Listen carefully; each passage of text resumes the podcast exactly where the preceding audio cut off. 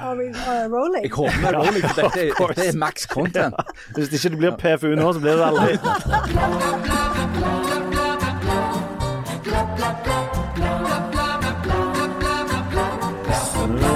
Himmelskorrekturlakk og ah, shut up. Ok. Fytti rakk. Ungdommen er anti-woke og anti-broke. Hva skjedde med klimakampen? Nå er målet å bli så rike at de pensjonerer seg når de er 38. Hva er det som skjer? Nei, Da er det bedre med litt Emmy og litt fjernsynssnakk og et besøk av Jan Sjaman.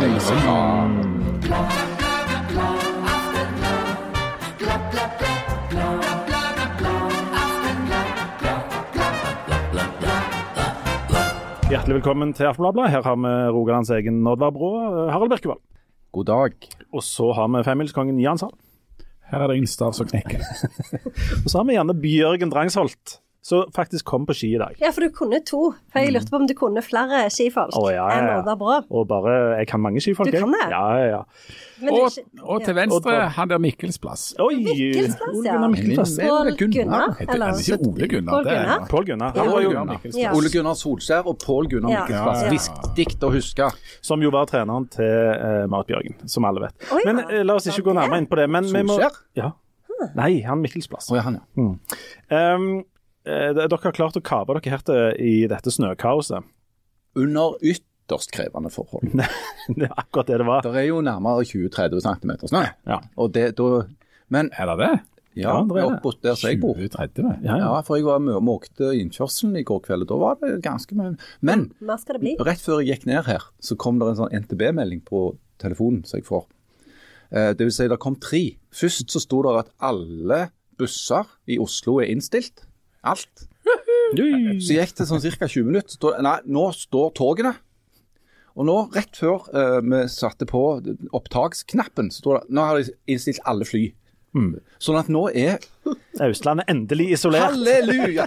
Det, altså, Østlandet er faktisk isolert fra omverdenen. Vår masterplan og all, all forbønnen som jeg gjerne har hatt. hvis nå bare Oslofjorden bånnfryser, så de ikke kommer inn med båter heller, så er veldig mye gjort. Hvis noen kan ta ei bro i Drammenstrakten, så er vi kvitt dem for godt. Nei, du, vi, vi snakket jo litt om vinteren sist, og vi har jo ikke snakket om vinteren med en voldsom entusiasme, det må være lov å si. Og i, i etterkant av uh, sist ukes sending så eh, kom det litt kritikk vår vei om at vi var for negative, fordi at vi glemte alle de vidunderlige tingene vinteren òg fører med seg. Kan vi bare legge inn korrigeringer, men det går ikke an å bli for negative til Altså, de, hva, hva for noen vidunderlige ting? Tuberkulose, eh, Eh, frostskader Ja, Ja, alt det der med på legevakten. Og ja. jeg vil heller ikke høre noe sånn Her kommer vinteren Om det er noe sånn Å, du skal sitte inne og se på TV. Ja, det er bare slutt. Verdens beste band. nei, altså, det som, det som jeg, hopp- Det som jeg hopp, hoppet over, var jo denne, dette litt sånn idylliske og litt sånn bildeskjønne og lyse med vinteren, og, og det vakre med at sneen henger i trærne og sånn. sant. Det er idylliske bildeskjønt. I dag, så etter at jeg hadde vært uh, av forskjellige grunner en liten tur i Sandnes, så gikk jeg til, fra bystasjonen og langs Breiavatnet bortover mot eh, Aftenbladet sin eh, plassaktige lokaler eh, i Verksgata. Eller den etasjen som Eller den etasjen vi holder til i. Eh, og gikk langs eh, Breiavatnet, som var dekket av snø. Jeg så jo det har vært et par friskuser til fots der ute. Eh, trass i alle råd eh, fra myndighetene. Eh, det var lite, en liten råk, og i den råken så var jo omtrent alle fuglene som bor i Stavanger eh, samla da.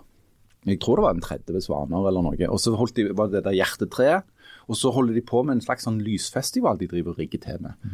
og, og alt så sammen var jo, må innrømmes, ganske fint.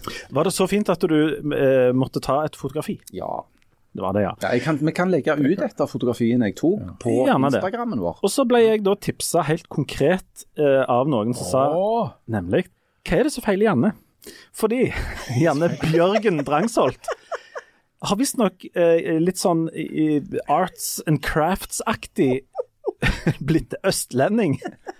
Og Hva er det du sier? jo, nå er dette, Hva er det som har skjedd? Så langt er denne podden den mest forvirrende jeg har vært. nemlig Nei, men hør nå. Og, og her, her må jo Janne få lov å forsvare seg. Hva er det du har holdt på med av sånn vinteraktivitet? Nei, altså, det, det er fordi jeg er jo glad. um, det er to ting som har skjedd. Ja. Det første var at jeg gikk til Prekestolen på søndag. Ja, det så jeg Ja. på sosiale medier. Ja. Det var helt fantastisk. I, dette gjorde de i meget sne. Ja, det snødde jo. Men du har vært på Prekestolen før? Nei! Hæ? aldri vært Så du der. valgte den dagen det snødde? Det var så, Vi var helt du- alene, utenom noen ekstremt dårlig kledde italienere. Så jeg vet ikke om de lever. Traff du ikke han der Per A. Torbjørnsen? For han er det jo hver dag. Men bare sånn, har du vært i kontakt med noen leger og fått avklart om du har hatt noe drypp? Eller Jo, men for det var jo det. For først var vi jo på Prekestolen, Ja. som jo eh, Og jeg, jeg måtte jo eh, lyge litt om værmeldingen sånn, sånn jeg kunne få med meg litt sånn familiemedlemmer. For jeg så jo du kom til å bli mye snø. og tørre. og så fikk jeg Jeg tror jeg har hatt et drypp, for jeg så på Instagram så så jeg en sånn en video av ei dame som lagde noen sånn islykter av ballonger. Ja. Og så tenkte jeg det Det er veldig kult. ja, det vil jeg òg prøve, tenkte jeg. Så i går så fikk jeg et barn til å gå på Søstrene Grene og kjøpe ballonger. Og så, nei, i forgår var det. Og så um, Eller jeg vet ikke hva tid det var. Samme det, egentlig. Tiden betyr ikke så mye. Nei. Eh, og så fyller du dem med vann. Og så setter du de ut i snøen over natten. Og så klipper du av ballongen, og da er det fylt med vann inni, så du heller det bare ut. Og så er det en sånn kjempefin lykt igjen. Og så satte jeg de Det liksom blir sånn som en slags vase av is. sant? ja, og så satte jeg de liksom sånn Vi lagde Og så satte jeg de liksom på trappa. Altså Jeg blir så flau av Hva ville Ted Huge sagt om dette? Han hadde jo vært Han hadde jo vært sjokkert. Åh, Han hadde Ja. vært sånn Hva er dette? Hva er? Er det 50-årskrise? Ja. ja, er det det? Jeg vet ikke, for det er jo litt det samme med Jeg har aldri vært der. Og så plutselig nå Du begynner å gjøre sånne ting for Ja! første gang. Ja! OK, men du lurer på hva det er? Jeg vet jo hva det Ja, er. hva er det? Vet ikke om dere visste, vi tenker ei uke tilbake, Ja. Ja. så begynte vi å jobbe med sjamanismen og med å få fram det indre i å, å liksom åpne opp for inntrykk på en helt annen måte. Og allerede etter første time så har du begynt å forandre deg som menneske. Vi har gått, vi har gått fra Jan sjaman Ja. til Jane sjamane. Dette er jo helt sykt. Ja, men- Tenk hvis det er det. Jeg Det er det. på ryggen nå. Det er jo den eneste tingen som har endra seg. Det er jo det, det er Er, sjaman kjønnsnøytralt, eller er det sånn at Du, vi dette er skal komme- sjaman? Vi skal- men vi skal komme tilbake Jeg skal bare si det, men ifølge Ted Hughes så er det like mange kvinnesjamaner som mennesjamaner, og alle blir bare sjaman. Jeg skal bare, Kun sjaman. altså, Men det, heter jo konge og dronning. Ja, men det er sjaman, sjaman Det er de, har, de er ikke så opptatt av sjaman. men hvem er det som er ekspert på sjaman her? Ja, det er vel- det meg, ja. det er du. Jeg skal, vi, vi, skal, Der kommer jo selvsagt en ny episode av Jan Ikke sjarmøse. Hold kjeften på deg. Birkevold. Ja. Eh, der kommer en ny episode av Jan Sjaman uh, Heisegran litt senere, men jeg skal bare nå i denne anledning lese opp et Ja, kort lite avsnitt ja. ifra, ifra boka uh, 'Sjamanens reise'. Sjamanisme handler utelukkende om det feminine. Det handler om å føle, om å fornemme og om å stole på subtile indre signaler. Jeg omgås mystisk usynlige energikrefter hele, dag, dagen, hver eneste dag, og dermed omgås jeg også flokkvis med såkalte logiske personer som forsøker å avvise metodene mine, healingen min, erfaringen min og den sjamanistiske avstamningen min. De mener det bare er innbilt åndelig tull og tøys, betraktet gjennom deres uvitende, fordreide, maskuline oppfattelseslinse. For en frekkhet. Dette er altså det feminine. Du, vi, vi har gjennom forrige ukes episode og gjennom vår, vårt møte med sjamanismen klart å, å få fram ditt indre feminine. Herlighet, dette er kjempespennende. Men hva er det som er så feminint med å gå til preikestol? Nei, men det, hun, hun gjør bare ubegripelige ting som, som, som, som, er logisk irrasjonelt. Utfordre og Og, og, og altså maskulint. Ja, for det var jo umulig å se noen ting. Det er jo dritfarlig der oppe på Prekestolen. For Det er jo det, det. er jo, hvis, hvis du detter utfor, så dauer du. Ja. og, og det gikk jo ikke an å se noe, for det var jo masse sånn Snø. Men, men ofte, altså mange som drar til Preikestolen, de påstår at de ser ting. Altså Det er noe de kaller utsikt, Ja, men det var noe, ikke det. Det var ikke noe utsikt, oh, men du kunne se en sånn blå avgrunn. Til? Og det, skal jeg si deg noe? Det føltes som en sjamanistisk reise, faktisk. Kjente du avgrunnen kalde? Ja, jeg gjorde litt det. En dragning. Ja, jeg gjorde litt det, men så skjønte jeg jo at eh, jeg måtte jo Jeg hadde jo en familie å dra på, Mm. så men jeg, jeg eh, Det er noe, det er noe som skjer, Du er, faktisk. du er, du er i endring, eh, Janne. Men På godt og vondt. Dette er veldig spennende. Ja, dette er veldig, veldig spennende. Skal vi gå så langt som å si det? at vi er i en brytningstid Ja. det, det er godt mulig. Jeg har ord, men Men Ja. ehm, og det, og dette her endte jo opp i sjamanisme og dragning mot avgrunnen. Men um, det er et eller annet med Altså, vi er jo sånn i utgangspunktet surt innstilt til vinteren, sant? Selvsagt. Ja, for, for det at eh, vi er jo ikke vant med det. Jeg er mer sånn, jeg vil ikke at vi- jeg vil gå Jeg vil oppsøke vinteren, jeg vil ikke at vinteren skal oppsøke Ja, meg. det er jo grunnhold, den rogalandske grunnholden Ja, og jeg tror ikke det, liksom, jeg følte ikke så veldig at vi var negativt innstilt til vinteren. Jeg tror det var mer det som du tok opp, Leif Tore, at vi hadde dårlig samvittighet for at vi ikke hadde lært ungene våre å gå på ski. Som jo er noe annet. Det er jo mer sånn den der vellykka vinteren. Sånn som du òg sa, eh, Jan, du snakket om det der hierarkiet og eliten og sånn. Så det er jo mer det der med å, å vinne vinteren. Ja, Ja. det er det. Å vinne vinteren. Det var det vi var imot, ikke vinteren sjøl. Og så har jo vi et problem på våre trakter, nemlig at vi får vinteren i veldig sånne små, eh, litt sånn konsentrerte eh, porsjoner. og det, tar jo, det må jo tilvenne seg litt, dette her. For eksempel så er vi jo sure helt fram til vi oppdaget at, eller mange oppdager at vi kan gå på skøyter på et vann. Artig. Og, da blir det jo litt, ja. og hvis snøen får ligge litt, så blir vi ikke så irriterte, for da er det brøyter på veiene og fortauene og sånt, så kan vi liksom fortsette å leve. Men det er fremdeles en liten periode, og alle går jo nå og bare venter på sånn at det skal smelte og fryse, smelte og fryse, og at vi ender opp med sånn Det, er, det fenomenet inntreffer ifølge Yr på lørdag. Ja. Nå er det onsdag. På lørdag skal det bli tre grader og regn. Da er gjerne Da får vi den gloriøse, gloriøse uka der u, Og det å være ute, det er å befinne seg i slaps. Og, permanent livsfare. Ja. Ja ja, Men permanent liksom. jeg har jo kjøpt brodder, for det måtte du jo ha når du skulle til Preikestolen. okay. oi, Nå er det Så- Du er blitt 78 Full circle. Det er Du veldig merker noe på at knoklene har blitt sprø. Du må huske å drikke melk. Kalsiumen din. Men det er jo veldig gøy, for nå når det er snø, så gjør jo folk mange løgne ting, og det syns jeg er veldig gøy. Sånn plutselig så ser du liksom folk som går på ski i nabolaget ditt. Eh, folk kan lage seg sånn hundesleder plutselig som trekker Altså, det er mange gøye ting som folk finner på når det er snø, og det er veldig, det er veldig kjekt, syns jeg. Naboen, naboen eh, min, eller vår, eh, det, er- det er en familie, eh, to små unger, de, og de er sånn herlige på den måten at når det kommer snø, da går de ut, er alle ute, så har de bålpanner i hagen, eh, og det er omtrent ikke en akebakke, en akebakke som er omtrent to meter lang, tror jeg, tre kanskje, den blir brukt. Eh, og det er jo veldig koselig, Mm. og og plutselig å se eh, på denne tida hvor det er mørkt og jævlig. Det er jo mørkt når du kommer hjem fra jobb, det er mørkt når du står opp, det er mørkt, mørkt, mørkt. Men så hører du lyden av sånne unger som er ute med, og så ser det ut som sånne, sånne små lykketroll, for de har på seg så mye klær, og så er de veldig glade for det er kommet snø. Da, da kan jo til og med en gammel grinebiter som meg bli litt sånn uh, myk. Fordi vinteren er jo, er jo fantastisk når du har unger, sant? fordi de bryr seg jo og synes, jeg blir veldig, veldig entusiastiske. Men nå skal vi bevege oss over. jeg må bare si, Ja. smette inn. En av mange gledelige ting med å bli eldre og slippe å være så unge lenger, det er at ungene er blitt så store at du slipper med en gang det kommer en dråpe med snø, å gå ut og dra de etter deg i et akebrett. For de er ikke store nok til å dra deg sjøl. Det hadde sett litt løye ut hvis du dro rundt på dine unger i et akebrett nå. Nå ville det sett veldig rart ut. Og at jeg slipper det, det mener jeg er et stort Ja, det, framsteg men jeg er veldig glad for å se hva andre du- sine unger Ja. holder på. På samme måte som jeg slipper å gå på en, en legeplass og stå og dytte på et sånt bildekk med en unge i. Det er noe av det ensomste som finnes. Ja. Og aldri, aldri mer. Ja. Klokka fem eller et eller annet. Da er de vært i gang i et par timer, og du har sovet tre kvarter, og så er du ute og dytter. Jeg kan ennå, ennå fortsatt, eller fortsatt bli litt sånn glad, selv om det nå er mange år siden, med tanken på at jeg har vært på min siste sånn dugnad på 17. mai.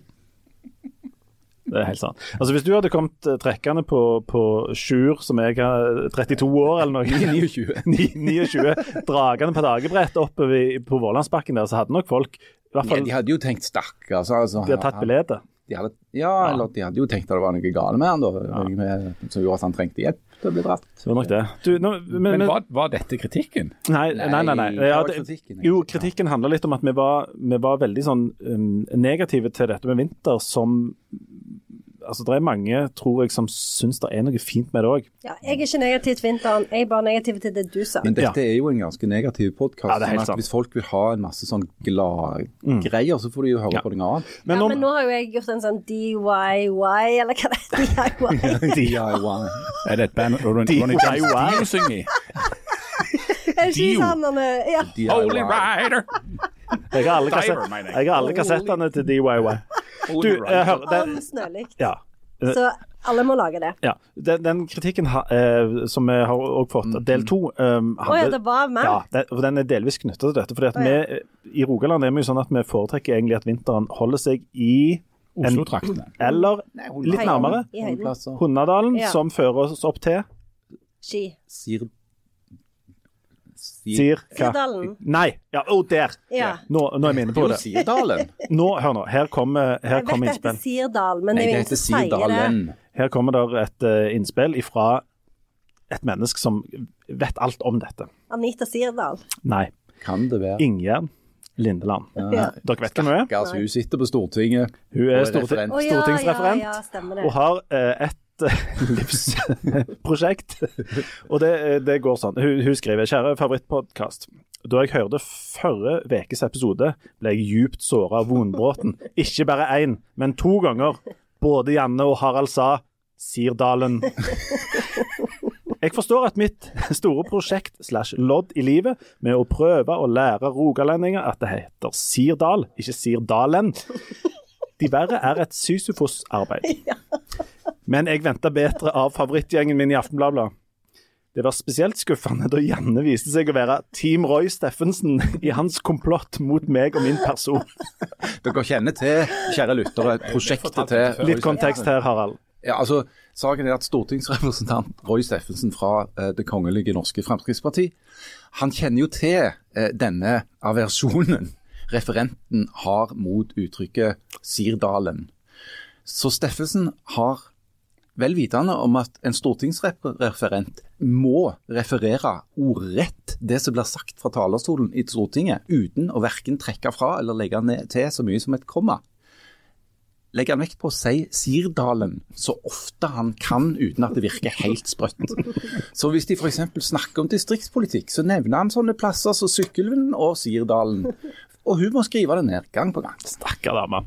Hun avslutter Beklager det. ja, og hun avslutter sånn jeg velger å tro at dette var en glipp, og at det ikke kommer til å gjenta seg. Det gjorde det jo for så vidt nettopp. Men ellers vil jeg nytte høvet til å ønske meg liveshow i Oslo, med eller uten Roy. Med helsing Ingjerd Lindland Sirdøl og stortingsreferent. Og med, Ja, apropos det med Apropos det med liveshow. Vi eh, sa jo sist at vi skulle ha liveshow i Stavanger, og det skal vi ha. Og der la vi ut et, og det, der forsvant billettene nokså umiddelbart. Og så snikinnførte vi et ekstrashow eh, samme kvelden, og der er det, tror jeg, 50-60-70 billetter igjen. Ja, det er noen billetter igjen på det andre, så det, Ja. der går det an å sikre seg. Ja. faktisk. Og det må dere gjøre, fordi eh, etter det, de billettene er vekke, de kommer til å forsvinne, så blir det ikke mer. Nei, og det kan jo være at noen tenker sånn åh, det begynner halv ti på en onsdag, for det, eller er det en torsdag? Det er en onsdag. Onsdag, Ja. tror jeg. Og da tenkte og det tenkte litt jeg òg, for jeg pleier å legge meg sånn rundt halv ti. Men Oh.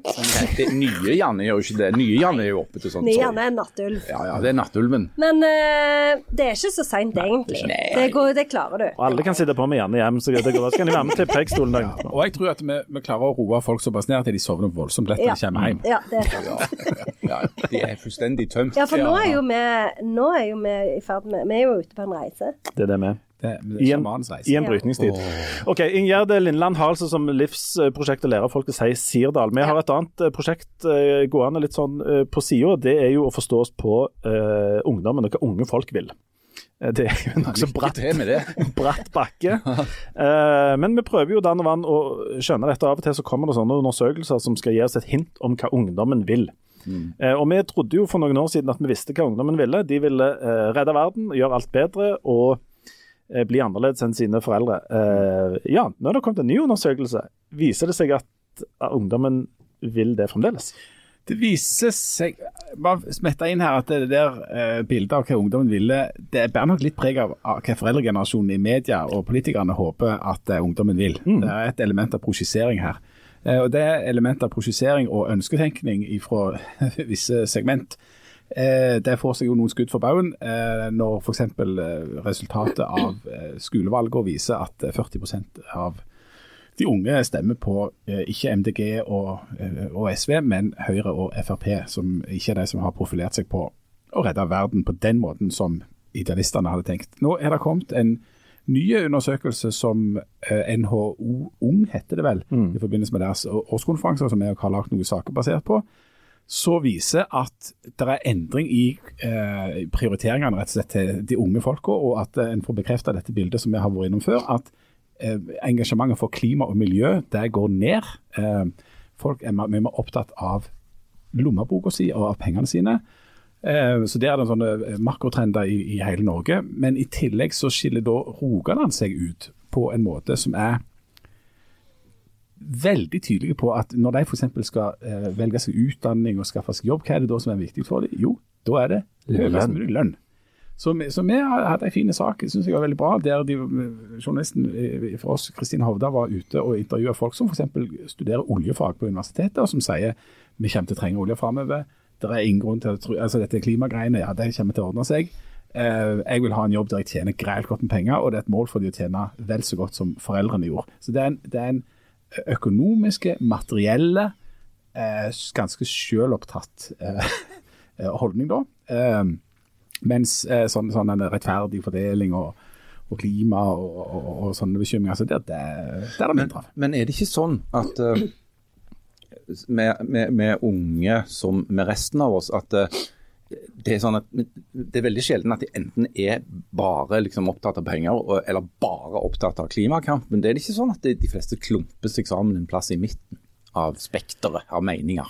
Det gjør de nok, men akkurat de som er intervjua her, er jo noen du veldig sjelden hører noe fra, Ja, ja. egentlig. Det sant. Det som er noe av problemet med de i midten, er jo at det ofte blir litt sånn kjedelig og usynlig, fordi at det ligger nettopp i midten. sånn at du hører jo mest ifra de mest engasjerte ofte. Står på Ja, og, den ene eller og, andre og kanskje siden. det problemet er, for, som du peker på, at eh, det kan jo være at, at mediene, eh, og særlig journalister som har lyst til å være med og forandre verden, har, har, har overvurdert eller overdrev hvor mange som var sånn Greta Thunberg-aktige. Kan det være at vi nå overdriver hvor mange som er sånn eh, anti-woke, anti-broke? Altså at, at det, sannheten er et sted imellom? Altså, når, når, sånne trender, når sånne trender svinger, og hvis du hadde sett dette over veldig lang tid, så vil jo finne, så vil jo ting klumpe seg litt sånn på, på midtenaktig. Men det er jo interessant å se at, eh, at det svinger så. For i, i disse tallene, her er det altså unge mellom 15 og 29 år som er spurt, og det er spurt så mange at, de er, at dette er representativt, er 1500 stykk. Eh, Og de er ganske sånn tydelig, er et ganske sånn tydelig skifte ifra det som jeg vil kalle som sånn klassisk idealisme over til det som vel kan tolkes som litt sånn meg og mitt og min framtid. Eh, Aftenbladet har, som Jan nevnte, en veldig interessant sak som heter 'Ung i Lykkeland', som jeg anbefaler alle å lese. Og Der snakker noen, de målbærer det ganske godt. For så er det folk der som sier at eh, mitt mål er at jeg skal tjene bedre og dermed ha det bedre enn mine foreldre. Sant? Som er jo en ganske sånn naturlig ting. Men samtidig så skal de altså ha det bedre enn sine foreldre, som har det bedre enn noen generasjon, ikke bare i norgeshistorien, men i verdenshistorien. Men har ikke dette vært enhver generasjon sitt mål å få det bedre enn Ja, de ja altså før. Hvis du legger an det store historiske perspektivet, så har det jo virkelig gått opp og ned. Eh, Svartedauden og krig her og der. Og sånt. Men altså, det den, den lange, lange fortellingen har jo vært en fortelling om økt velstand. Eh, Vi har klart å skape en økonomi som kan holde liv i eh, 8 milliarder, 9 milliarder mennesker. Eh, ved hjelp av bl.a. kapitalisme. Ikke sant? Altså opphoping av kapital og investering i masse teknologi som holder liv i oss.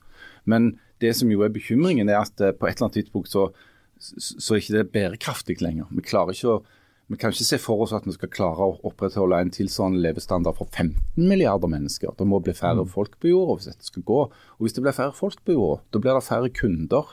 Og Det er ikke noe som kapitalismen liker så godt. Så Det som er et av de store store spørsmålene, det er hvordan kapitalismen skal kunne overleve hvis dette paradigmet om at hele tiden må vokse. Du må lage mer produkter, selge mer produkter til flere folk hele tiden.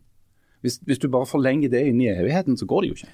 Men dette er jo blitt trukket fram som, som noe av forklaringen bak problemer f.eks. i USA, eller altså desillusjonen rundt det. For det, det ligger som en slags forventning i oss at vi skal hele tida vokse, og at ting skal bli bedre og bedre og bedre, og at vi da rent logisk skal få det bedre enn foreldrene våre. altså at veksten og framgangen holder fram. Og I USA så har det altså vært sånn nå at en ikke klarer det.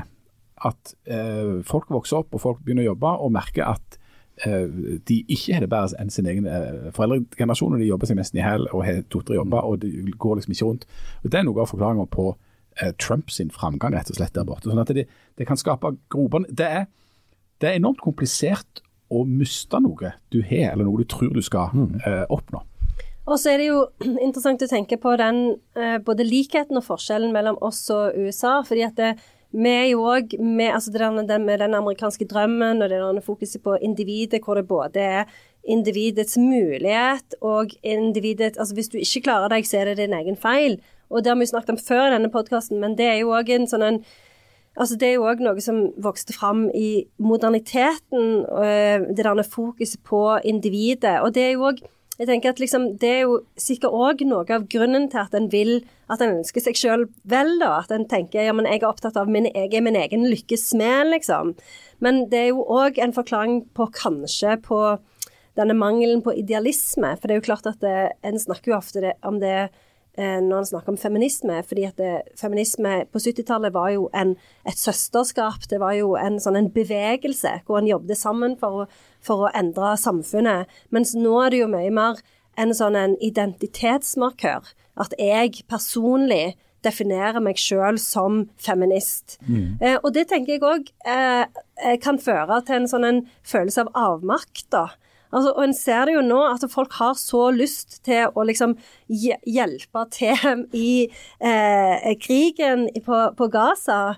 Eh, så folk liksom poster masse greier på, på Instagram og liksom eh, Hva skjer i Altså, du, du har lyst til å gjøre noe, men du, du kjenner jo på en sånn en veldig avmakt. Altså alt, det, alt det du klarer å få til, er å bruke opp litt plass på et datasenter Ja, ved å så det er poste noe på Instagram. Og det er jo, jeg skal bare si en ting til, fordi at dette er jo en generasjon som har vokst opp med å se og, eh, eh, eh, nyheter om klimakrisen i hver eneste matfriminutt, hvor de ser på NRK Super, og som har blitt indoktrinert med at dette går til helvete.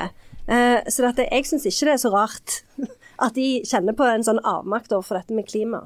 For En av forklaringene på at eh, disse tallene synker, da, altså for å ta det helt konkret, så er det altså at andelen unge som, eh, i Norge da, som bekymrer seg for ødeleggelse av natur og miljø, har da gått ned fra 72% i 2020 til 58% i 2023. Altså på, på tre år så eh, har det gått ned 12 Det er eh, Men det er fortsatt nesten 60 da, som Ja. er bekymra. Ja, og så er det beky- bekymring for klimaendringer. Den har sunket fra 65% til 53% så det er litt over halvparten.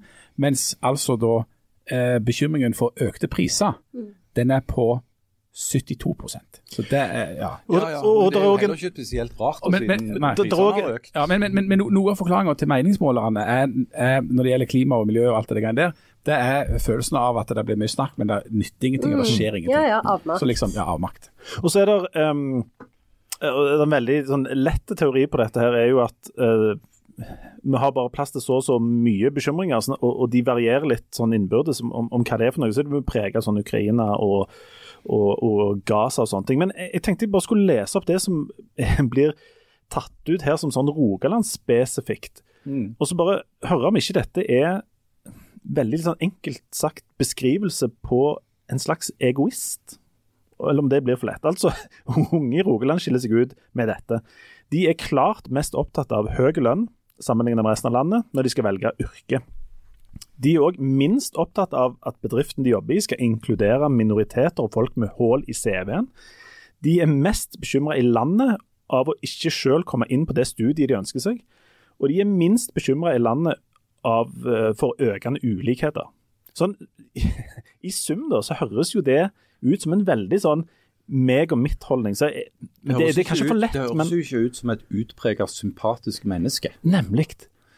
Eh, i utgangspunktet. Og da er det jo vår oppgave som eh, voksne, rike, hvite folk å stemple dagens ungdom som en gjeng med egoister. Er det, Men- er det men sånn? De er jo ikke det. Nei. Sant? Det, det, det er jo òg litt sånn Som du spør, får du svar. Sånn? Altså eh, det, det er jo altså, Det er klart at folk har, har lyst på trygg økonomisk trygghet i en urolig verden. Behovet for økonomisk trygghet. Du må klare deg sjøl. For det at vi får jo òg høre at velferdsstaten kan komme i spill. ikke sant? Altså Har vi råd til alt dette her? Eh, Eldrebølgen hører du om. Eh, der er disse Ha- Hallgeir Kvassheim og co. som som messer i vei. Og, og, og den dessverre avdøde Jon Hustad som sa at hvis du ikke hadde 15 millioner i banken når du var, var 60 år gammel, så har du et stort problem. Sant? Altså, Ja, og, og dette skal vi komme tilbake til i dag. Men du, det er jo, de, de unge har jo fått det samme spørsmålet i hele Norge. Hvorfor skiller Rogaland seg ut på denne måten og skårer akkurat sånn på akkurat disse spørsmålene? det er jo oljeøkonomien vår. Selvfølgelig er det det. Det er veldig vanskelig å overbevise en person til å skifte mening hvis hans eller hennes inntekt avhenger av at vedkommende ikke skjønner hva du sier. Og så tror jeg jo da at det er en egen nærhet til olje og energi eh, her, eh, og en veldig sånn pragmatisk holdning til det, der eh, altså en bygger ting og lager ting. altså Den der eh, gründer og nå bare skjærer mye, nå gjør et eller annet og lager et eller annet, og så blir det masse vekst og framgang. Jeg tror det og samme svar i Austevoll kommune som i Rogaland. Ja, det ville du sikkert gjort, men du får et annet svar i Eller på- Oslo. ja. For i Oslo er du lenger ifra det Ja, på. Frøya så har, eh, eller på Frøya, på Trøndelagskysten, ikke sant, hvor, halvparten av innbyggerne er millionærer på lakseoppdrett. Men men det er klart at Oslo er jo på en måte et eget land politisk sett i Norge. Sant, hvor, hvor MDG i, i sine velmaktsdager hadde vel oppimot f- 80. Ja, rent flertall. Eller, eller sant, det var 20-15-20 prosent. Eh, i, i, I Rogaland så, så sliter jo MDG med å, å nå sperregrensa. Virkelig sliter. Eh, og, og det handler jo selvfølgelig om demografien. altså hva vi lever av. Eh, og, og, og hva du ser rundt deg. Altså, det- det er ganske langt ifra Oslo til, til Ekofisk. For å si det sånn. Det er ikke fullt så langt ifra Stavanger. Men så hvis du kobler det da til eh, noe annet som kom eh, nå i forbindelse med vel Sola-møtet, eller for nå i januar, eh, SR-Bank sin sitt konjunkturbarometer. Det viser at eh, i hele Norge så eh, er det bekymringer, og, og det går ikke så veldig bra i næringslivet, bortsett fra ett fylke. Vent litt, kan, vi- kan vi ha tippekonkurranse? Ja, tippekonkurranse. Jeg, Jeg jeg tror det tror jeg går. Agder. Ja, det ja. Gjerne. Men, men når, når det, Jeg husker ikke hva de heter. Nei. Viken. Viken. Men når den ene plassen i Norge der det går bra, korrelerer med beskrivelsen av egoisten, så vil egoisten si ja ja, det funker tydeligvis. Ja. Ja, men hva Jeg syns det er litt slemt å kalle de for egoister. Ja, jeg syns det er slemt, For det, for det, det er, har en sånn moralske pekefinger over Ja. Og det er akkurat det der ja, er voksengenerasjons... unødvendig. Ja. Men, men det er jo av og til nødvendig å løfte den moralske pekefingeren. Hvis folk sier ehm, jeg driter vel i de der klimaendringene så lenge jeg har råd til å kjøpe enda en Tesla og to hytter. Men det er jo så er jo det litt sånn eh, Har du tenkt skikkelig gjennom Ja, dette? men det er jo ikke nødvendigvis det de sier. For det er jo sånn som du sier, Harald, at som du spør, så får du svar. Altså, det er jo Ja, en sånn generelle spørsmål. Vil, vil du ha bedre eller dårligere økonomi? Svar fort. Ja, jeg vil jo ha Så, kjempemye men, bedre. Egoist. men hør nå, vi har jo tidligere satt her og diskutert f.eks. dette fenomenet Andrew Tate. Ikke? Som ble en, en slags hit blant unge menn. Ved å spre et budskap som er avskyelig. Kvinnefiendtlig søppel. Eh, han blir sett på som et forbilde og en helt av mange unge. Da må det være lov, mener jeg, selv om jeg er 55 år, 56, til å reise pekefingeren og si hør, Andrew Tate er et rødhål. Han er en eh, voldtektsmann. Han er en kødd. Du må ikke høre på han. Og Det må du få lov å si uten å bli beskyldt for å være moralist. Det så du må få ungdommen eh, vekk fra det, og så må du få dem ut på sånn tur med Janne til Hvis du ser sånn I, Ja, så lage sånne i dag er det Ja, ja, kanskje jeg kan sette i gang noe? Er det en businessidé, kanskje? å selge sånne Men jeg, jo, jeg var veldig på denne åndelige ruta nå, som Jan eh, skisserte, så jeg vil ikke gå tenker, vekk fra den. Hva ville sjamanen ha sagt til til disse ungdommene? Ja, sjaman. Det kan være vi får svar på det, Ja. på, på Det det hvert. Ja. Du, bare før vi tar en, eh, en liten pause her. Det der med å gå til prek Du har aldri vært på Preikestolen før, og du velger deg den mest snøfulle dagen. Jeg trodde det var en veldig kjedelig tur. Men er det- det var en kjempefin Men tur. hva var det som Det Hvorfor, var så fint. hvorfor endte du opp på Preikestolen? Altså, du kunne jo gått rundt et vann, eller Var du der med de det nærmeste? Ja, Ja, de som jeg klarte å tvinge med. Nettopp. nettopp. Min mann og ett barn. Ja. Eh, nei, det bare kom over meg. Og er jeg tror det, det er en slags åndelig opp- oppvåkning. Det er veldig spesielt. Ja, Det er rett og slett spirit hacking. Jeg er på en Verktøy reise. for sjelen. Ja, det er akkurat det det er. Vi må ta en eh, liten pause. Når vi kommer tilbake igjen, så skal, vi, så skal vi forlate disse yngste, og så skal vi gå opp et hakk i alder. Fordi at det viser seg at når disse unge egoistene har, er ferdig med sitt, så er det langsiktige målet å tjene seg så mye penger og ha så mye passiv inntekt at de kan bli pensjonister når de er 37, reise rundt i hele verden og leve av at de eier 18 leiligheter og har et aksjefond. Vi er snart tilbake.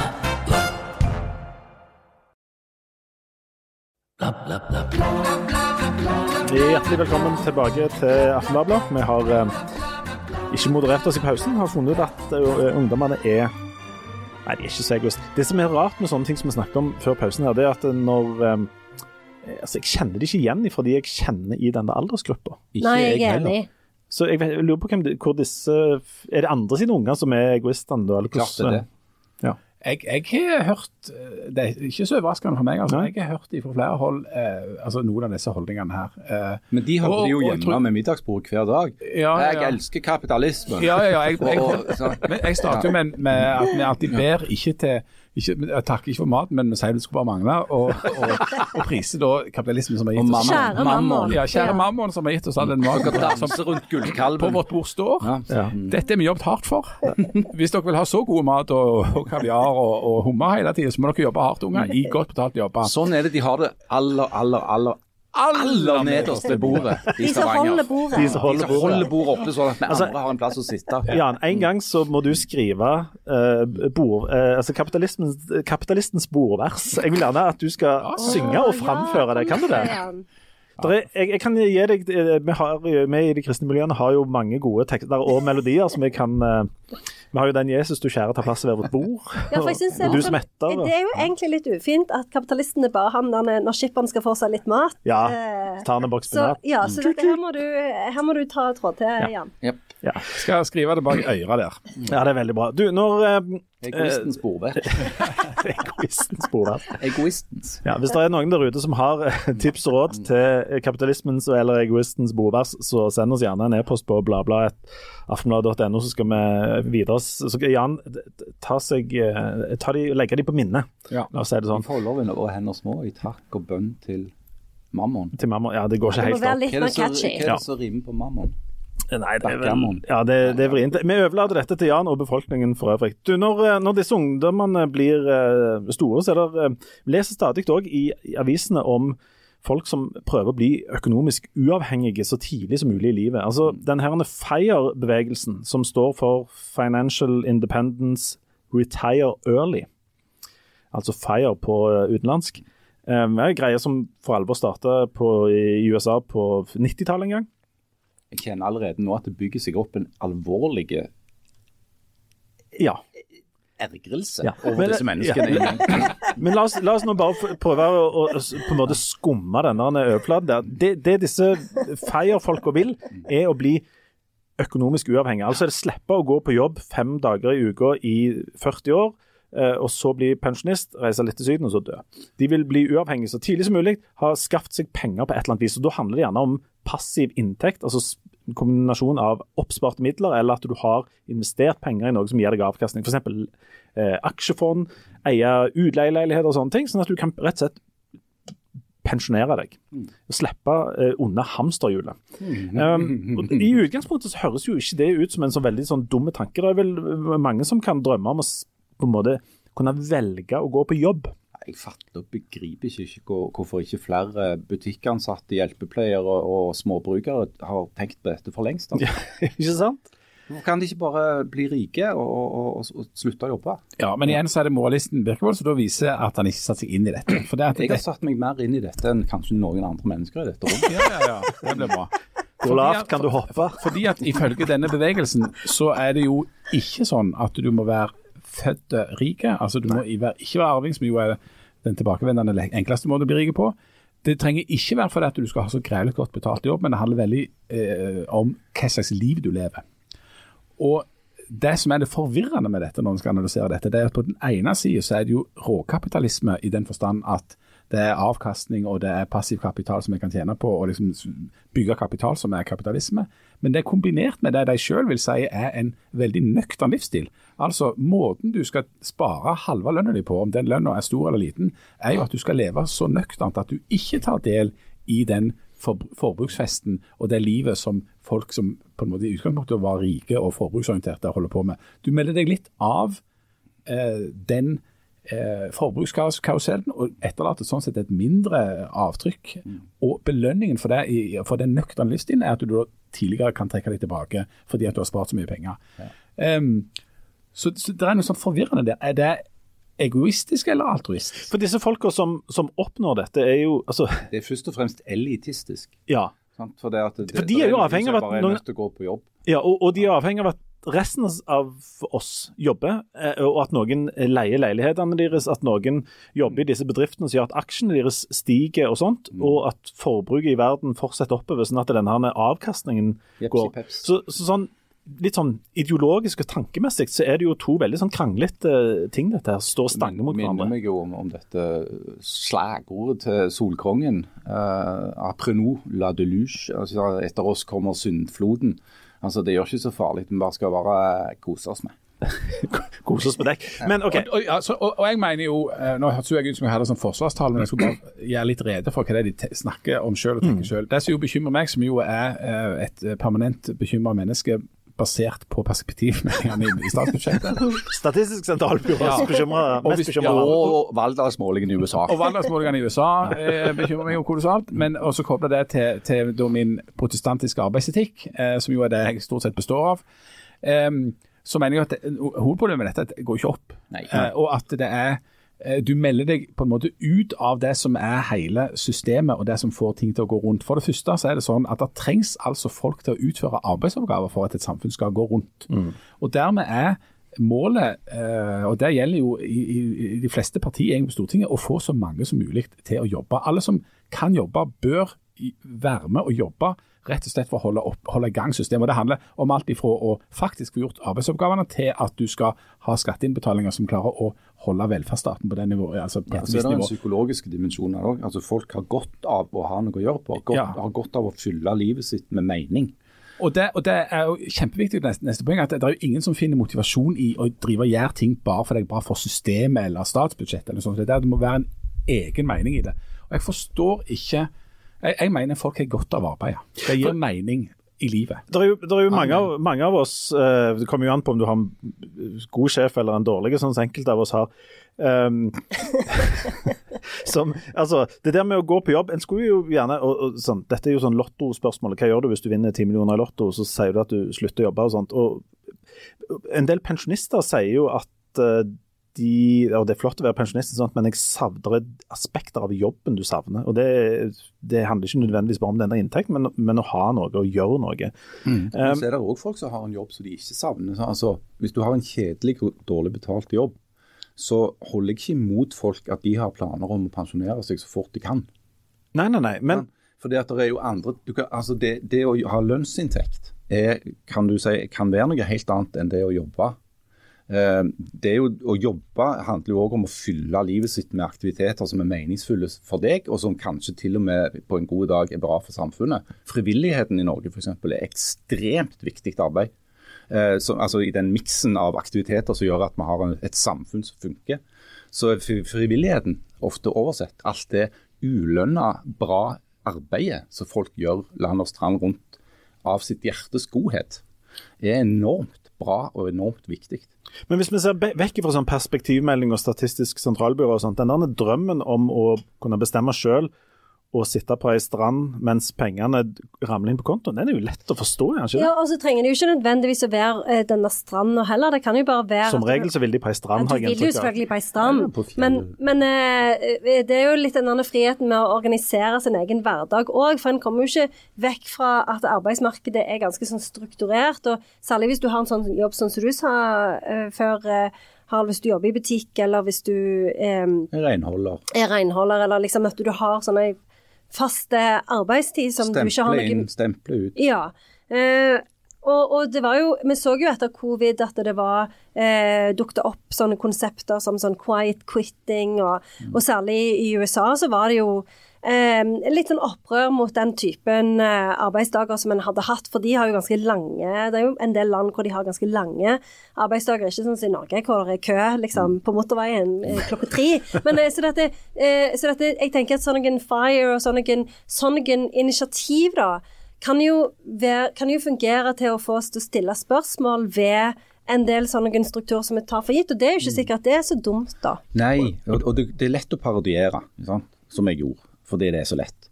Eh, men det er jo elementer av det som det går an å, å applaudere. At tanken om at du skal eh, leve nøkternt, spare, som er viktig, ikke ta for mye gjeld. Eh, spare, planlegge, sånn at du har, er herre i ditt eget liv. En, en god tanke. Sant?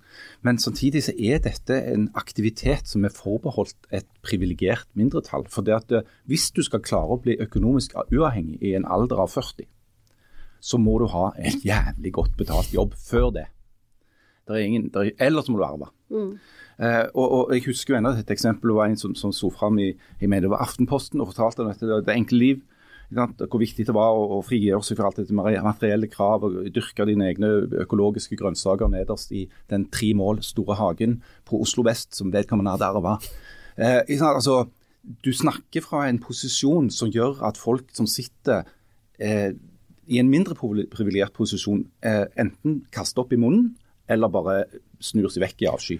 Men det du trekker fram nå, er altså parodien. Eh, og det er ikke representativt i det hele tatt. Hun som vi eh, hadde som case i vår avis, i vår magasinsak på dette, var utdannet historiker og hadde sin første jobb i arkivet i Utenriksdepartementet, i offentlig sektor.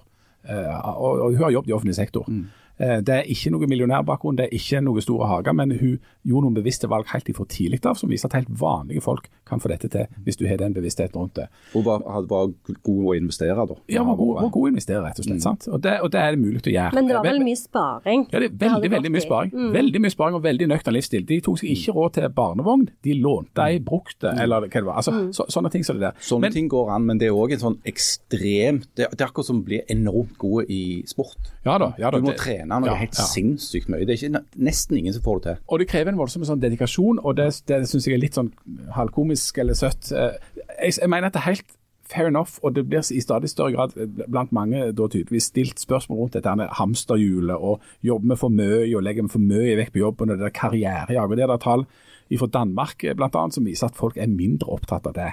Eh, og, og det kan jeg godt diskutere, men hvis det blir helt sånn at du blir manisk opptatt av hvor mye du skal spare, eller altså, du går rundt og tenker på det hele tida, da har du vet ikke hvor mye mer du har oppnådd av det. da. Men det kan godt hende at det kan være fornuftig å tenke gjennom hvor mye skal jeg jobbe, hvor mye skal jeg tilbringe av tida med familien, hvor mye skal jeg få det til. I Norge er vi i verdens gunstigste situasjon der, fordi at vi, vi har altså de, den tredje laveste arbeidstida i hele OECD. Eh, så vi er jo ikke de som springer rundt i hamsterhjulet mest i det hele tatt. Eh, mens utfordringen altså er at eh, 40% av befolkningen mellom 18 og 65 år har en eller annen form for offentlig godtgjørelse. Altså en million nordmenn. Så, så, så et annet alternativ, hvis en skal begynne å jobbe mindre, sånn som deler av venstresida f.eks. argumenterer for, det går altså ikke sammen med å øke eller holde velferdsstatsutbetalinger på det nivået som er nå. Så du må nesten velge. Hvis vi skal jobbe mindre og betale mindre i skatt, så må vi ha mindre velferd. Hvis du f.eks. kjører buss, så kan du ikke velge å jobbe eh, smartere i den forstand at du jobber veldig konsentrert i, i, i små perioder av dagen. For da blir det enormt mange sure folk som eh, venter på bussen. Eh, men hvis du er så heldig å ha en jobb hvor du har den muligheten. Jeg leste en, en sak i morges om en kar som hadde gjort et eksperiment. Uh, fordi at han opplever som mange andre i våre tider at han har problemer med å konsentrere seg. Det har vi, for at det er så mange forstyrrelser, ikke minst den der jækla telefonen som jeg kikker på i snitt hvert tredje minutt eh, hele dagen. Eh, hvis vi slutter med det, så hadde han funnet ut at du, hvis du klarer å konsentrere deg i 40 minutter, helt, Og åtte sekunder. Ja, det er og 8 sekunder, så får du gjort forbløffende mye arbeid. Så kan du ta deg pause igjen, tenke på noe annet, eh, se på kattevideoer på, på Instagram eller hva du nå foretrekker. Tar du en ny sånn økt, 40 minutter og 8 sekunder, konsentrert arbeid, da kan du få gjort mer i løpet av eh, 80 til 120 minutter, altså ikke særlig lang arbeidsdag, enn de som sitter limt til kontorpulten i åtte timer. Jeg har jo lurt på, det er En ting jeg aldri helt klarer å få svaret på fra disse FIRE-folka og sånt, og det er, for Målet her er jo å em, disponere egen tid. Det er mye det det handler om. sant? Jeg vil, Bli sin egen herre. ja. Men altså, hva skal de, hva skal de bruke all denne tida på? Altså, det, jeg er jo i den situasjonen at jeg har unger som begynner å bli ganske store, og sånt, og jeg har altså så kolossale mengder fritid. Når jeg kommer hjem fra, fra arbeid, eh, har slaver i denne, denne bedriften her, gjerne fra ti-tida til gjerne til to, og så kommer jeg hjem med, med lunsj da med lunsj innimellom. ja, Nei, men altså, når du kommer, eh, altså, jeg har allerede veldig mye fritid. Eh, Og det kan godt være at andre har, har, eh, har det hardere enn det. Men si at du Det tror jeg vi kan slå fast. du tror det. Ja. Det får ta, Kanskje dere tar medarbeidersamtalen en annen gang. Så. Nei, men poenget, poenget er at du, hvis, du, hvis du plutselig Hvis all tida de hadde vært disponible, hvis du ikke hadde noe jobb du måtte gjøre, hva i all verden skal de finne på? Men Kanskje de har hobbies? De har jo det. At de lager sånne islykter, Ja, de, for eksempel. Er det, tid, er det tidkrevende? Nei, det? tar Eller så begynner de med sånn quilting. Eller Quilting, ja. Mm. Sånne greier. Eller så blir de sjamaner. Ja, hvis du går til Preikestolen, det tar litt tid. Det tar ikke så lang tid som jeg skulle tro. Om vi ikke skal snakke om Emmys nå for Jo, at eh, det nå, nå, er der, nå begynner det å nærme seg sjamanisme, men vi, vi skal innom For Emmys var nemlig det jeg ville fram til. at Du kan jo sitte og se alle TV-seriene sånn som er nominert til Emmys. Men så viser det seg at de som vinner, det er vel bare to. Så det er ganske fort gjort. Tre. Tre stykker. Ja. Hva er det som er, for Du har sett eh, og, og fulgt med på Emmys gjerne. Hva er det som er, er fjernsynsoppsummeringen uh, for er, året? eh, det er tre vinnere. Det er Succession, og så er det The Bear, og så er det um, åh, Hva var den tredje nå? Nå har jeg glemt det. Uh, jo, uh, Beef. Beef. Beef. Ja. Uh, og og eh, den som ikke vant, som jo er en skandale, det er jo Better Call Saul.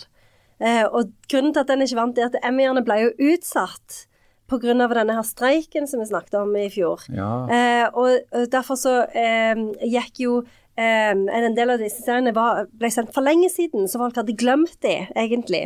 Så derfor så ble Better Call Saul uh, litt ignorert. Men sånn har ikke den vunnet masse før? Han Jo, har jo gått liksom- i 100 000 Ja, men det var siste sesongen at oh, ja. den var liksom spesielt bra. ja, ja. Men det som er interessant, og som jeg har sett eh, flere sånn kommentatorer skrive om, det er jo dette her at det, For Succession vant jo eh, for beste drama.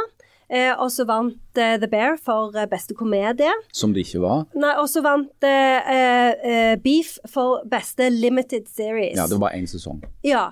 Eh, og så har du det jo sånn at Sånn som Harald sa, altså eh, På mange måter så var jo kanskje Succession morsommere enn The Bear. Sånn, det, Succession har jo tross alt en hel episode hvor de snakker om at ei har, ei, ei har altfor store vesker på fest. Eh, og så har Eller, du eller bursdagen til Kendal. ja.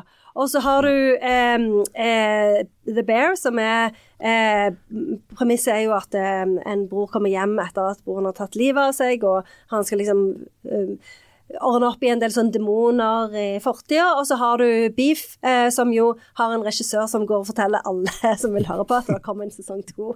Så det, det er liksom Så det som folk spekulerer i, da, det er liksom om Som jeg syns er veldig spennende. Hvordan kan det komme en sånn sesong to når Spoiler alert. nei, nei, nei, nei, nei, nei, ikke si det. ikke si Det ikke si det. Det er vanskelig å se for seg at det kan bli en sesong to, for å si det sånn. sier at det er Iallfall med de samme da. hovedpersonene. Ja, Ja. men i hvert fall.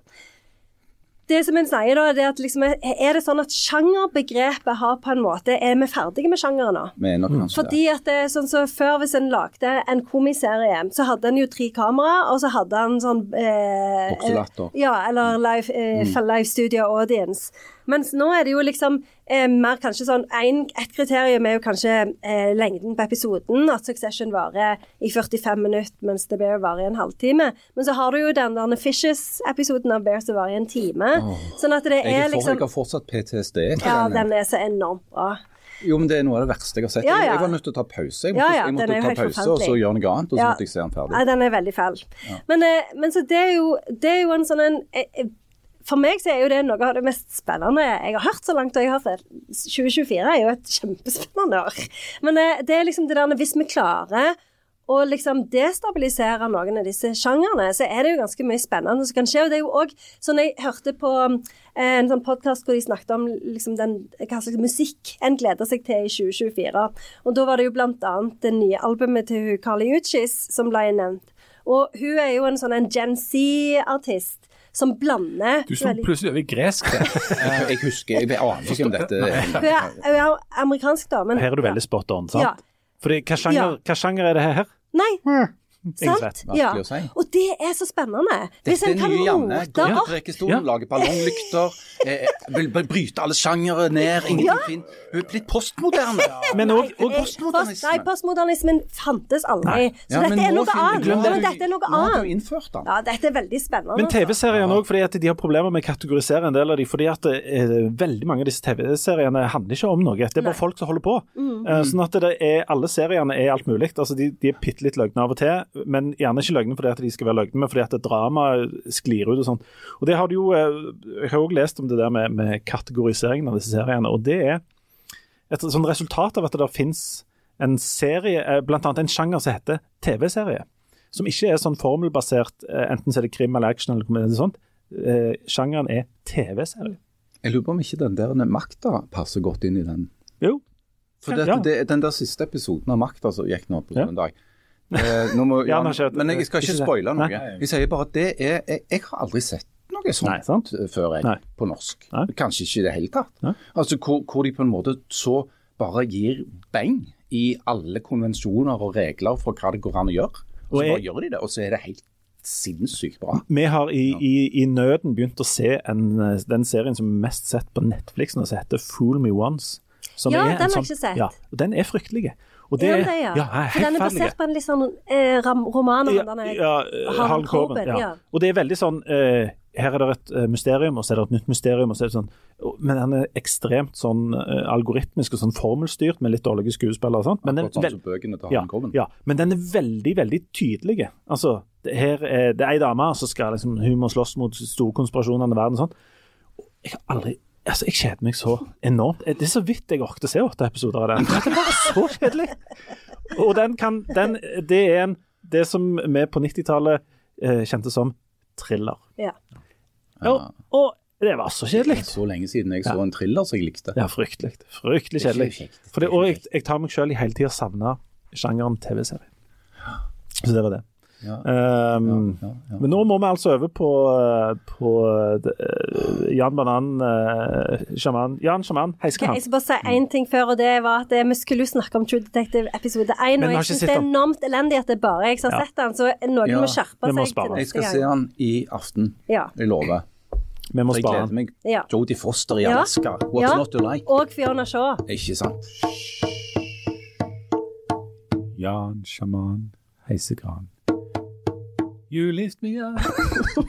yeah. Altså, on Vi skal, vi skal i eh, vår reise inn, i vår åndelige reise inn i sjelen og åndens vesen, veksle mellom det filosofiske og temabaserte og det konkrete, altså de konkrete life hacks. Eh, og i dag så skal vi gå over til det konkrete. For i, i, i forrige runde var det jo bare en introduksjon som allikevel var nok til å endre Janne sitt liv. Men nå skal vi bli, gå litt mer konkret til verks. Eh, og det er altså hvis det skal oppstå en bestemt situasjon, eh, som det står i boka, hvis du f.eks. skulle ha lyst til å ta en tur på stranda, men egentlig skulle ha jobbet, så kan du spørre deg selv, er det i min høyeste og beste interesse å ta en tur på stranda i dag?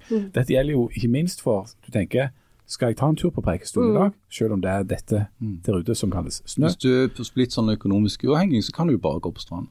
Pluss at jeg skulle Ja. egentlig ha vaska badet. Du skulle egentlig ha vasket Ja, badet, og da står du ja, i akkurat ja, den ja. typen situasjon som vi i dag skal jobbe med uh, her. Så igjen snakket det direkte direkte til deg. Faktisk. Og det er litt skremmende, ja, jeg. ja, ja. Altså, vi skal lære oss å justere det indre navigasjonssystemet. For det er det som avgjør hvorvidt vi går på stranda eller på Preikestolen. Um, Vaske badet eller vaske badet, Ja. eller alt det der greiene her. sant? Altså, Å justere det indre navigasjonssystemet det er altså en måte å opprette kontakt med sitt eget personlige kompass på. Sånn at du vet når noe er harmonisk for deg, og når det ikke er det. Så Det er på en måte utgangspunktet. For det, Dette er forutsetninger for å kunne ta disse beslutningene. Ok, Hvordan skal en gjøre det? Jo, da skal du starte med å jorde deg i kroppen med noen få dype åndedrag. Nå kan dere jorde dere i kroppen med noen få dype åndedrag. Konsentrer oppmerksomheten om den indre tilstanden ved at du observerer magen som hever og senker seg for hver Jeg prøver å unngå å se på den. Se på magen din nå, Janne. Ok. Ja, der var han, ja. Si høyt. Kropp, Kropp. vis meg ja, slik at jeg kan føle det. Vent litt. Kropp, Kropp, vis meg ja, slik at jeg kan føle det. Og så Nå skal dere gjennomsøke kroppen med tanke på fornemmelser.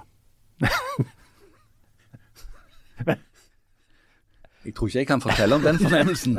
Ja, Men du skal legge merke til hva du føler, Ja, og, det det jeg hvor du, og hvor du føler det. Ja, Det kan være kribling i solarpleksus.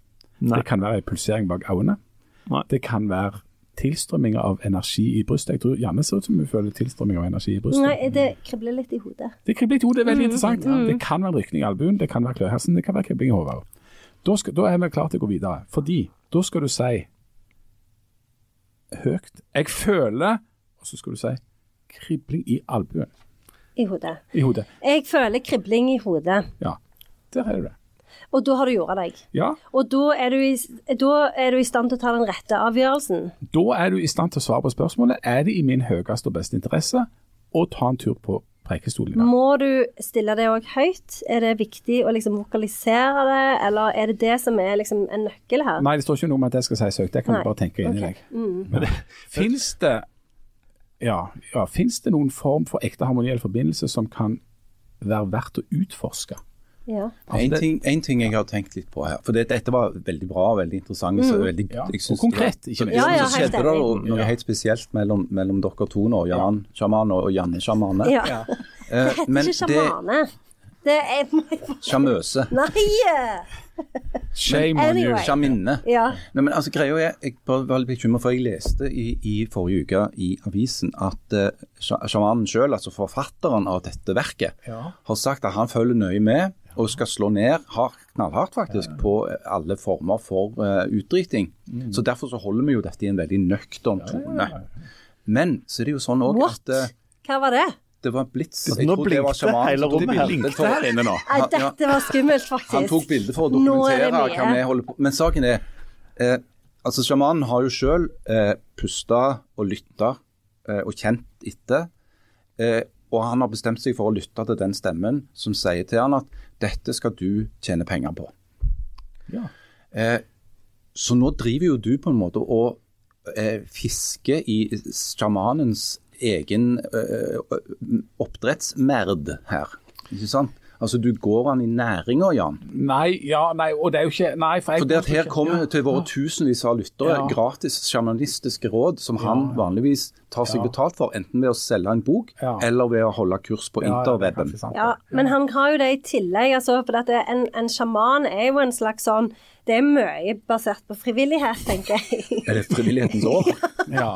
Så, så at det, jeg tenker at det, det gjør ikke noe at du sprer det sjamanistiske budskap til menneskene. Men du mener kommer jo med helt konkrete råd her. Men jeg, jeg kjenner at jeg er, jeg er mer sånn bekymra i det konkrete her. fordi at Sist uke var det litt sånn uh, wobbly greier. Du, uh, Jan Sjaman Heiskran, uh, presenterte. Det fikk Janne til å lage kjøpe ballonger på Søstrene Grene og lage lykter og gå til Preikstolen. Nå har vi blitt ganske konkrete. Om en uke så kan Janne være daglig leder for Vinterland eller et eller annet Sist jeg skjedde når vi skulle hjem fra Preikstolen. Mm. Vi punkterte. Nei. Mm. Ja, det er jo ikke noe som I snødrev. Ja, vi hadde kommet nesten hjem da. Men da er det jo sånn, for jeg får jo panikk, for vi har jo punktert så mange ganger med den bilen. Hvordan klarer du å punktere så mye? Nei, Jeg aner Vi skulle bare en bitte liten tur på Meny, og så kjørte vi utfor en kant og bare punkterte. Okay. Ikke se sånn på meg, Janne. Men nå får vi se da hva sjamanismen gjør med, med enten Janne eller, eller oss andre i løpet av den uka som kommer. Ja. Eh, det kan jo gå, jeg vil si det kan gå begge veier, Jeg, jeg, jeg Jeg kjenner kjenner meg kribling, for si sånn. underlig positiv. Ja, ja, det gjør Eh, og det har jeg, har jeg gjort den siste uka. Ja, ja, Det har Så- ikke jeg. Nei, det har ikke du, men det er ikke sikkert at du For jeg er jo mer sånn kanskje litt mer åpen Du er jo for feminin. dette. Men jeg lurer ja. på om kanskje neste gang om, om og jeg kan få ha en sånn én-til-én med sjamanen. Ja. Om, om meg og mitt, Ja. på en måte. Ja, men For der er det skal- litt å ta i. Ja, det er litt å ta i. Jeg, Ja. Men jeg er jo ingen ekspert her. Jeg bare Men Du jeg, er jo jeg, en jeg, jeg, kanaliserer jeg, jo. Jeg kanaliserer på en måte. Mm. Ja. Ikke jeg, Jeg jeg, jeg Jeg jeg øver. Syns du det er litt Jeg er klar over at det igjen er sånn hvor lavt kan du hoppe, men av de inne i rommet her, så er vil jeg si du er best opplest på dette med sjamanisme. Ja. Det kan fort gå godt.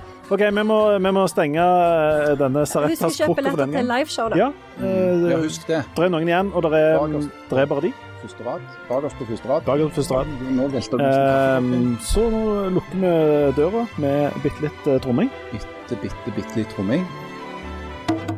Jeg tar ikke mer tromming enn det, for jeg er redd at eh, Da blir det, da blir det saksøking, vet du. eh, eller, eller at det skal skje noe med Janne.